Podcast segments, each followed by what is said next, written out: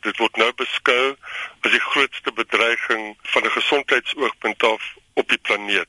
Meer is malaria, meer is HIV, meer is Ebola. Daar's geen ander infeksie of toestand wat 'n groter bedreiging het as antibiotika bestandheid vanweë die feit dat ons het nie nuwe antibiotika nie en party infeksies is daar geen antibiotika om 'n pasiënt te behandel. Antwoord is Dr. Adrian Brink, microbioloog en mede-voorsitter van die Suid-Afrikaanse Antibiotika Bewaringsorganisasie. Die VN het verlede Mei 'n kongres gehou om die bedreiging wat antibiotika weerstandigheid vir die wêreld inhou te bespreek en 'n strategie te beplan wat oral toegepas kan word.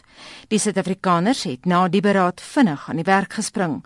Verskeie rolspelers in die regering het dadelik betrokke geraak by 'n reuse veldtog om te sorg dat ons aan die VN se riglyne voldoen. Die direkteur-generaal het dit persoonlik opgevat, 'n groot vergadering gehad, 'n mini-kongres simposium naby die lughawe in November laas jaar en saam 'n uh, antibiotika bestandheidsplan opgetrek vir Suid-Afrika wat 9 elemente betref. Daar was ook betrokke die minister van landbou want die meeste antibiotika wat gebruik word op die planeet word gebruik deur boere. Dan was daar ook die minister van gesondheid want ons moet ons kinders van kleins af leer dat jy vat nie antibiotika vir 'n keelseer of as jy hoes en daai tipe van ding nie. Ook ander goed soos hande was as jy klaar in die badkamer was, goed soos 'n hoes etiket as jy hoes dan moet jy jou hand voor die mond sit. So die minister van gesondheid is deel van die plan met die minister van landbou en dan natuurlik die departement van gesondheid en dit is hoe die hele ding begin het. Dit lyk vir my asof ons betreklik goed vaar in terme van BRICS,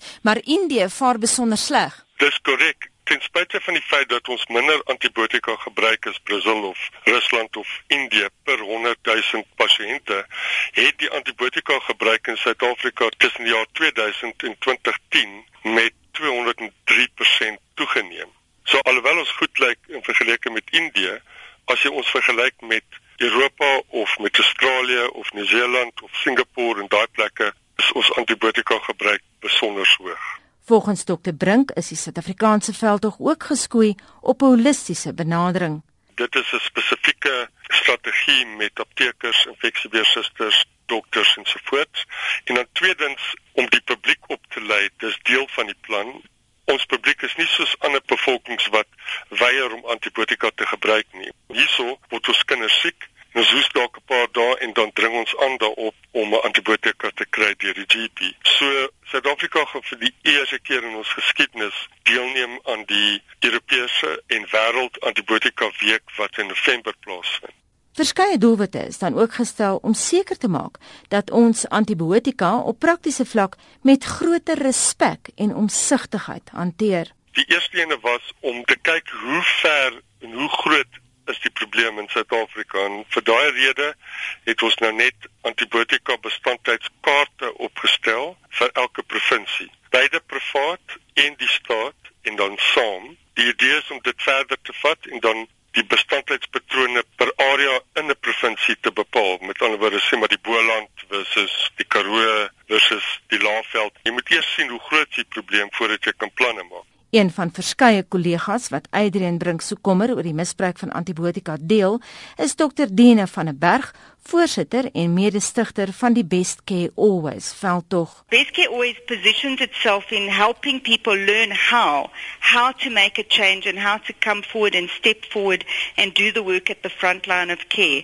What we've done is we've run workshops, we've created measurement systems, we've built awareness and we've encouraged people to undertake the actual work of improving antibiotic usage and improving understanding of how precious antibiotics are en die veldtog word getrou aan die Suid-Afrikaanse benadering tot die krisis holisties en prakties benader.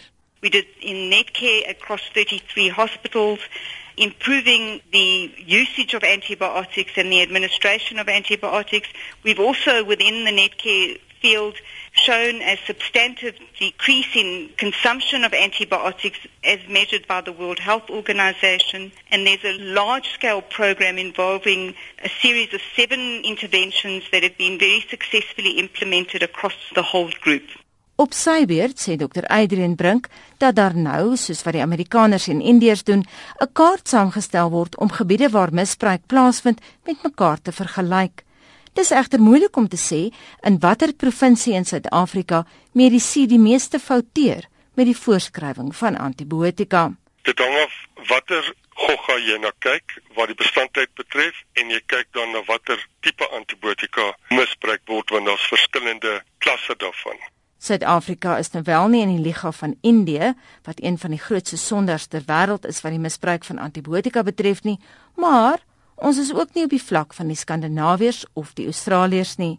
Gelukkig is daar vordering danksy die goeie werk wat Dr. Dene van der Berg en haar kollegas doen. We're in a good position now to be able to show the impact that that work has actually done through data and science. And we've encouraged our members and our stakeholders to all record their work in a more scientific way so that we could publish, so that we could present at conferences, and so we could spread the word as well as spread the method of actually doing this work. Monitor wou by Dr. Adrian Brink weet watter insette die antibiotika bewaringsorganisasie kan lewer om te sorg dat ons vleis geetiketeer word sodat ons weet wat dit bevat. Ons hoop so in party lande is dit nou wetgewing. Ons is nou nog nie daar nie.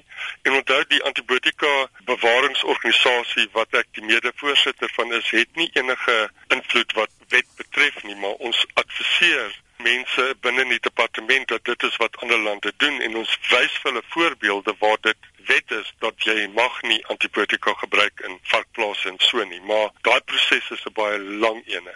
Ons kan net adviseer in 'n professionele hoedanigheid die belangrike vraag is dan ook nou kan ons die stryd teen die misbruik van antibiotika wen? Yes ons kan maar jy moet begin van kleins af daarom moet dit begin met onderwys. Byvoorbeeld McDonald's gaan binnekort in Amerika glad nie antibiotika of vleis verskaf in hulle hamburgers as dit antibiotika bevat nie. So jy moet ook die publiek oplei. Die publiek moet op 'n punt kom waar hulle weier om vleis te koop as daar antibiotika in die hoenders ehm um, plase gebruik word of die beesplase of die varkplase. Daar is nie 'n korttermyn oplossing nie, maar die fondasie om bestandheid te beheer in hierdie land is duidelik. Ons het baie baie goeie ekspertise.